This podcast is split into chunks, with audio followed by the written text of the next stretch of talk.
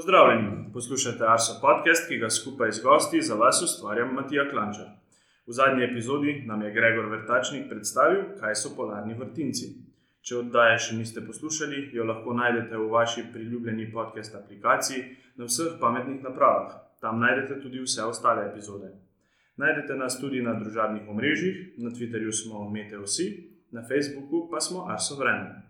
Da bodo za nas izvedeli tudi ostali, nam lahko pustite kakšen komentar na Apple Podcasts. Vse komentarje, pripombe in predloge pa sprejemamo tudi na elektronskem naslovu podcast.arso.afnago.si.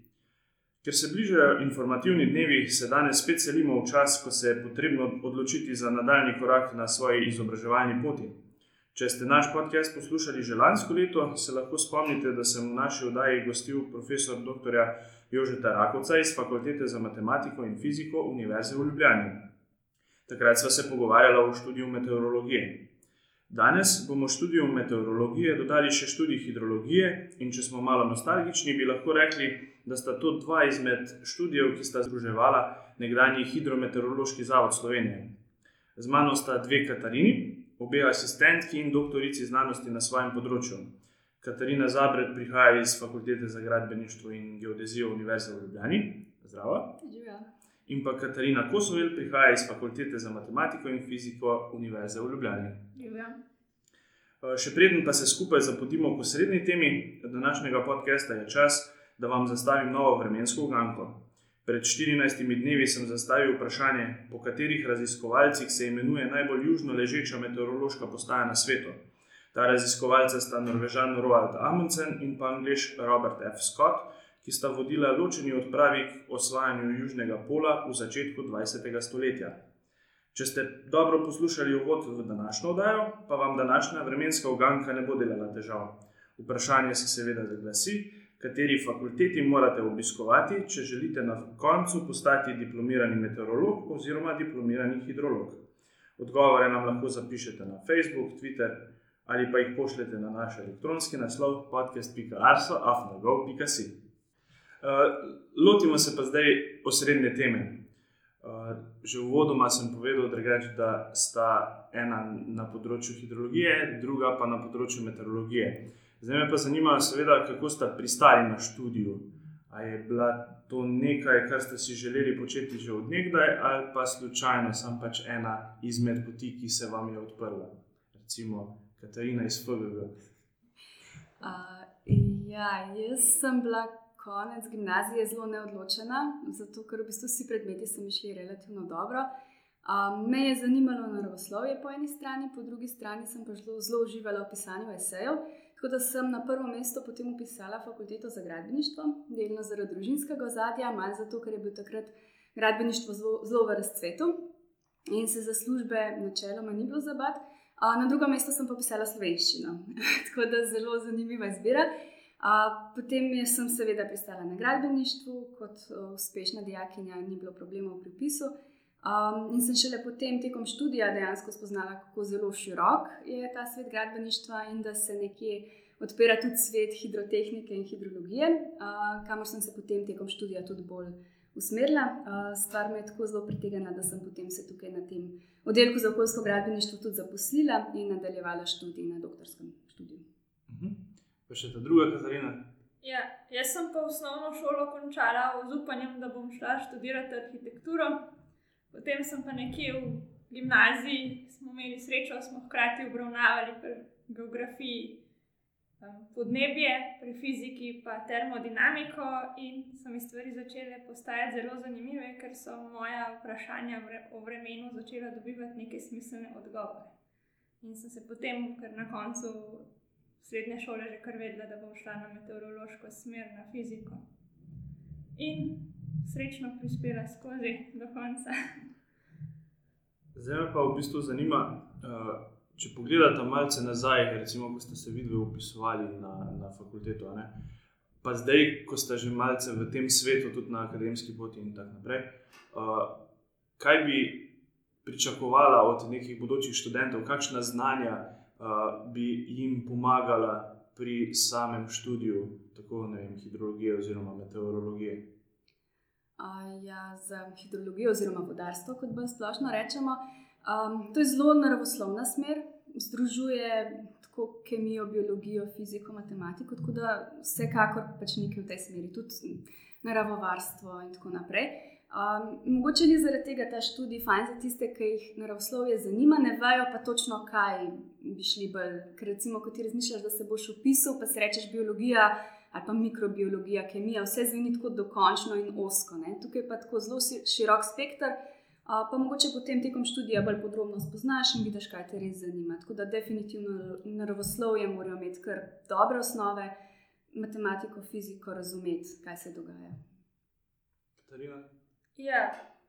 Tukaj smo na fakulteti za matematiko in fiziko, ne? tako da pač nekako se pričakuje, da se, se upiše na faks, znam maturitetno, na maturitetnem nivoju matematiko, fiziko. Um, vse ostalo, recimo računalniške zadeve, programiranje in tako naprej, se začne popolnoma od začetka, tako da tukaj pa ne treba skrbeti. Zdaj me pa še zanima, če greste se tudi postaviti malo nazaj v tisti čas, ko ste videli študirali. Um, kaj je bila vama ne, ena pozitivna, pa ena negativna stvar, recimo celotnega študija? Pa dajmo začeti z negativno, da bomo končali v nekem pozitivnem smislu pa gremo zdaj iz kontrasmeri, da je Katarina iz FMF. Ja, pač, glede na to, da je to študij matematike in fizike, je pač relativno zahteven študij. Um, ampak nekako je bilo treba vložiti precej dela, ampak se izplača. Um, jaz bi vam mogoče kar eno in isto stvar izpostavila kot pozitivno in negativno. Na vodarstvu so skupine študentov relativno majhne na letnikih je tam okrog 10, kar je lahko zelo velik plus, ker se vsi poznamo med sabo, poznamo se z višjimi letniki, pedagogi te poznajo, asistenti, profesori ti lahko čisto na drugačen, bolj oseben način pomagajo. To je pa lahko tudi minus, ker te pač bolj poznajo, vejo, kdo si, vejo, kaj zmoriš in te včasih malo bolj preganjajo k boljšim rezultatom. Uh, pa teže ti pogledajo skozi prste, kot recimo množici 120 študentov. Mislim pa, drugač, da bo Katarina iz FMF podobno stvar omenila za pozitivno stvar tukaj na naši fakulteti. Imam prav? Seveda. Da, ja, tudi tukaj pri nas na FMF, kjer sem tudi sam študiral, smo bile manj, manjše skupine, dobro smo se razumeli med sabo in med letnikom in med letniki, in seveda tudi z, profesor, z profesori, asistenti in ostalimi, ki so zaposleni na naši katedri. Uh, dobro, pa gremo naprej. Uh, nadaljevali ste v bistvu svojo akademsko pot tudi na fakultetah, pa me zanima, ali ste tudi to želeli že prej, ste vedeli, da, vem, da bo ta enkrat doktorici na vsaka na svojem področju, ali se tudi to tekom študija nekako izkristalizira. Uh, no, jaz sem drugačen, mislim, pedagoško delo kot tako me je zanimalo že prej. Nisem pa nikoli si zadala zdaj cilja, da bom pa pač profesorica oziroma docentka na fakulteti. To je potem prišlo, ja, ker sem je zaključvala, se je pojavila tista kriza v gradbeništvu, služb ni bilo. Tukaj z govorom diplome se mi je potem ponudila možnost delati um, na katedri za splošno hidrotehniko in potem pač nekako je bilo smiselno zaporediti, da če pa že delaš na faksu, boš pa tudi študij nadaljeval. Ja, jaz nisem vedela, da bom šla naprej študirati. Um, mene je nekje proti koncu študija um, ena izmed naših takratnih profesoric, profesorica za meteorološke predmete, um, profesorica dr. Nedjelka Žagar, um, nekako je prišla do mene in me vprašala, če bi želela nadaljevati študij naprej. Um, dobila je ravno takrat prvi projekt Evropskega raziskovalnega sveta v Sloveniji in me pač povabila, če želim sodelovati. In to pot nadaljujete še zdaj. Ja. Ja, je zelo zanimiva in odpira čist druge svetove, kot tisto tipično gradbeništvo. Okay. Uh, naslednje vprašanje pa me zanima, drugač, katera področja uh, meteorologije študenti spoznajo med študijem. Ja, zdaj, čisto na začetku imamo en tak hiter uvod, um, kjer probujemo pokriti čim več različnih tem, potem gremo pa v dinamično meteorologijo, se pravi nekako uh, se pogovarjamo o vetru in tlaku in medsebojnem vplivu. Um, pa osnove fizike atmosfere, se pravi, malo osnov sevanja, oblake, padavine. Um, seveda, kako nastane napo vremenska napoved, um, mod malo modeliranja, um, kaj je še ta zgled. Tudi nekaj o merilnih tehnikah, kako zmerimo kaj. Um, pa seveda tudi osnove ostalih geofizikalnih znanosti, hidrologije, oceanografije in tako naprej. Pa seveda računalništvo in računalniško simuliranje in um, množica uporabnih programov. Je morda tudi kaj klimatologije in zdaj pač s tem povezanih podnebnih sprememb? Seveda. Uh mhm. -huh. In upamo, da bo to tudi um, bolj aktualno še postalo. Kako je pa z hidrologijo, kaj pa tam študenti spoznajo tekom študija? Ja, v bistvu na vodarstvu je hidrologija kot en del študija, potem je um, v bistvu hidrologija pokriva gibanje vode v naravi. Se pravi, padavine, odtok, um, pretok v rekah, odtok v more in potem to kroženje. Uh, potem je hidravlika, ki se bolj konkretno ukvarja s tokom vode, recimo v vodotokih, v cevovodih in tako naprej. Um, veliko je tudi zadnji čas, predvsem podarka na ekologiji, uh, varstvo okolja, odpadkih, ravnanje z odpadkom, čistilne naprave, zagotavljanje čiste pitne vode, vodovodni sistemi, odvajanje odpadne vode in tako naprej. Okay. Uh, gremo v bistvu še na zadnjo tematiko, ki je v bistvu za bodoče študente tudi ena izmed zelo, zelo pomembnih stvari. Uh, to so seveda zaposlitvene možnosti. Uh, Želani sem drugač pri pogovoru s profesorjem dr. Jožetom Rakovcem omenil, da je veliko meteorologov in pa hidrologov zaposlenih na Agenciji za okolje. Vendar to še zdaleč ni edina možnost. Uh, kje vse se nam recimo odpirajo možnosti za zaposlitev?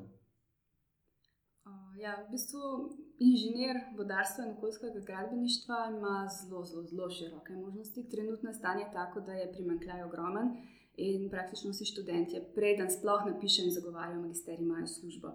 Um, tako da že v osnovi nekako smo zelo blizu samemu študiju gradbeništva, tako da so možnosti tudi na tem področju odprte v teh, teh čist vsem poznanih gradbenih firmah po Sloveniji. Potem pa bolj podrobno se pravi Arso um, na oddelku za hidrologijo, hidrometeorološke napovedi. Um, potem so to razni inštituti um, za vode, Direkcija Republike Slovenije za vode, uh, tak, ministerstva pristojna, um, po drugi strani tudi občine, komunalna podjetja, v vsaki občini um, imajo skrbo s pitno vodo in tako naprej, čistilne naprave. Um, tudi projektivni biroji, um, urbani, v bistvu podjetja, ki se ukvarjajo z urbanizacijo, prostorskim urejanjem, načrtovanjem um, ne vem, možnosti še ogromno. No. Vodno-gospodarska podjetja, ki skrbijo za urejanje vodotokov, potem karkoli se tiče tudi poplav, načrtovanje zaščite pred poplavami, nizke gradnje, se pravi nasipi, hidroenergetika um, in tako naprej. No. Pa po drugi strani, kaj pa tisti, ki so potem diplomirali iz meteorologije, ali so vezani samo na vreme ali še kaj drugega? Ne, ne, sploh ne, tudi tukaj je ogromno možnosti zdaj um, nekako povezano z vremenom in meteorologijo, so recimo še v energetiki, ki rabijo tako napovedi vremenske, da bodo vedeli, kako, koliko energije sploh pustiti v mrežje, um, pa tudi recimo obnašanje um, celega sistema. Um, potem je recimo v prometu, promet sam je močno odvisen od vremena, um, letalski, ladijski, tudi cestni. Potem lahko je tudi varstvo okolja, nekako. Pa, um, potem gremo pa lahko tudi širše izven meteorologije. Konec koncev imamo znanje fizike, matematike, računalništva, modeliranja. Tako da ogromno jih je, recimo, tudi mislim, ogromno. So tudi v zavarovalnicah, bankah, v šolstvu, računalniških podjetjih. Pa tudi recimo, v kakšnem razvojnem oddelku, kakšnega podjetja, znamo modelirati računa, z računalnikom, tudi razni IT-ovci po podjetjih in tako naprej. No. Skratka, marsikaj se da. Um, mislim, drugač, da sem pred letom dni nazaj profesora Rakovca vprašal, oziroma mu rekel, če lahko data na svet za bodoče študente, pa bom isto ponovil tudi za vajo dve. Uh, me zanima, drugač, kakšen je vajen na svet za bodoče študente. Študentsko življenje je čisto drugačno. Um, pristop, način učenja in tako naprej. In če mislijo resno, naj tako zagrabijo, naj študentsko življenje, kot tako glasno opevano, pustijo za malce kasneje, najprej ne se fajn spoznajo s faksom, se tam noter opelajo, potem si pa lahko dajo duška tudi na drugih področjih in to je tudi obvezen del študentskega življenja. Okay. Jaz bi pa predvsem rekla, naj se ne ustrašijo. Zaradi tega, ker marsikdo upa zelo hitro na začetku, um, ampak na koncu se izkaže, da um, je tisto, kar je odločilno pri tem, da bo nekdo študij končal, njegova motivacija, ne pa njegovo predznanje, ko pride na faks.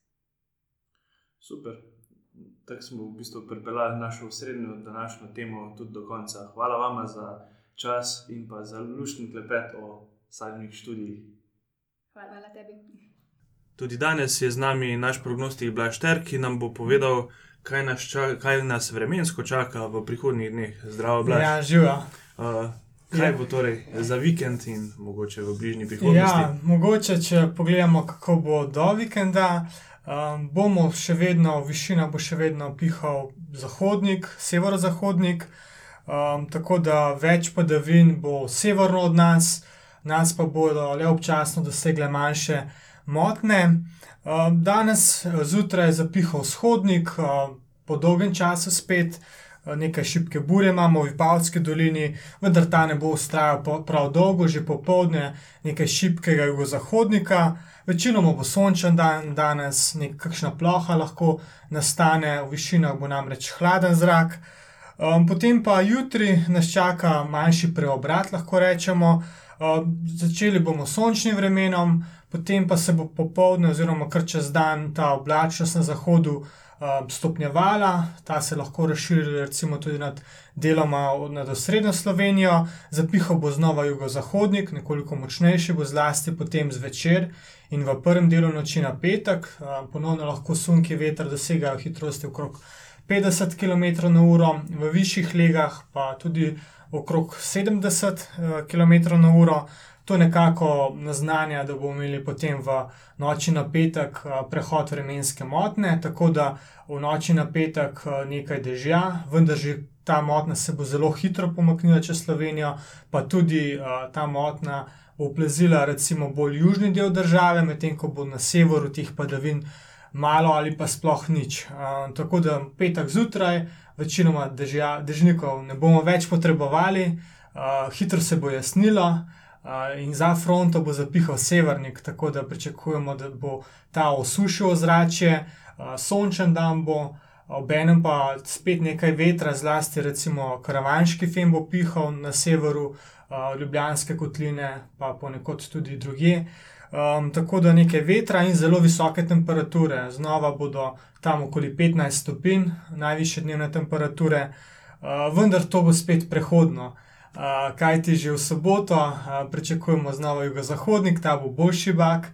Um, nekaj vikend bo v glavnem sončen, lahko rečemo, Morda bo bolj sončna sobota, kaže trenutno, da bo sobota bolj sončna, nekaj prenaste oblačnosti le, medtem ko bo pa v nedeljo, zlasti na zahodu, na zahodnih pregradah, ker se bo ta veter jugozahodnik spet ukrepil, nekaj več oblačnosti, na vzhodu pa bo še večinoma sončno. Temperature pa še više, zlasti v nedeljo pričakujemo temperature okrog 15 stopinj znova, in še celo več, zlasti recimo na jugovzhodu 17 stopinj, kaj takega. Tako da zelo topo vikend nas čaka. Z nekaj vetra, vendar zaenkrat ne kaže, da bi ta veter delal kakšne preglavice. Nič kaj februarsko, kaj ne? Ne, nič kaj februarsko, vendar potem, morda v, drugi, potem v drugem tednu se bo ohladilo, ampak um, zaenkrat kaže, da ne bo nicnega. Zato pa kar spremljajte še naprej naše vremenske napovedi tudi na našem eh, spletnem portalu. Preden pa gremo na vremenske zanimivosti iz eh, preteklega obdobja, uh, bom pa Blaž še tebe povprašal, veliko si že omenjal tudi v obetih uh, veter. Ja. Zdaj, v preteklih dneh smo imeli tudi na, v Sloveniji na večjih koncih zaradi vetra povzročene veliko škode. Ali lahko mhm. mogoče na kratko samo opišeš, kaj se je vremenskega dogajalo, zakaj smo bili deležni tako visokih uh, sunkov vetra, predvsem na severovzhodu Slovenije. Ja, v bistvu je situacija um, nekako, nekako se krepi razlika v temperaturi nad severno Evropo in južnim delom, zato so vetrovi, zato je velika razlika v temperaturi in tudi zračnem tlaku. Nasta, nad severno Evropo je bil um, pač globok ciklon, nad južnim delom anticiklon in ta razlika v zračnem tlaku, uh, ki je bila zelo velika, uh, je prispevala k tem močnim uh, vetrom. Uh, tako da, ja, vetrovi so bili res močni, zaenkrat, če preverjamo podatke, ali bi, ali bi kje dosežen tudi kakšen rekord. Uh, tudi po nižinah, ponekod so pihali hitrosti, je bila hitrost vetra okrog 100 km/h, v višjih legah pa seveda tudi nad 100 km/h. Vendar lahko menimo, da, imam, da imamo v bistvu. Uh, ta število postaj ob takem dogodku vedno premajhno, posebej na metrov, um, kajti vetrovne razmere se lahko spreminjajo uh, res od kraja do kraja. Tako da žal vseh podatkov nimamo, oziroma nimamo posod postaj. Verjetno so bile hitrosti vetra še više, vendar ja, ne moremo preveriti to. Laž najlepša hvala za napoved in pa za vremensko zanimivost iz preteklega tedna. Ja, hvala tudi vam. Podcast pa bomo, kot že rečeno, zaključili z vremenskimi zanimivostmi iz obdobja od 1. do 10. februarja. Najvišja temperatura je bila izmerjena na postaji Črnomelj, 2. in 3. februarja smo izmerili 18,3 stopinje Celzija. Najnižjo temperaturo smo izmerili 6. februarja na postaji Kredarica, temperatura se je spustila do minus 15,2 stopinje Celzija. Najhitrejši sunek vetra smo izmerili na postaji Slavnik, 5. februarja je pihalo s hitrostjo 117 km/h. Največ padavin v enem dnevu je v obdobju od 1. do 10. februarja padlo na postajo Osilnica, izmerili smo 27,8 mm. Za konec pa še podatki o najbolj sončnih postajah. V celotnem obdobju so največ sončnih ur zbrali na postaji v zgornji kapli 61 ur in 56 minut. Najbolj sončen dan pa je bil 6. februar, ko je na postaji Slavnik sonce sijalo 9 ur in 23 minut. Z vremenskimi zanimivostmi smo tako 32. epizodo Arso podcasta pripeljali do konca. Tokrat je bila epizoda prav posebna, saj smo se z Arso podcastom prvič selili na teren, zato se tudi opravičujemo za uh, malo slabšo kakovost zvoka v prvem delu oddaje, kjer smo posneli osrednjo temo. Uh, hvala vam, dragi poslušalci, za poslušanje in pozornost, obilo lepega vremena do naslednjič in se slišimo čez 14 dni.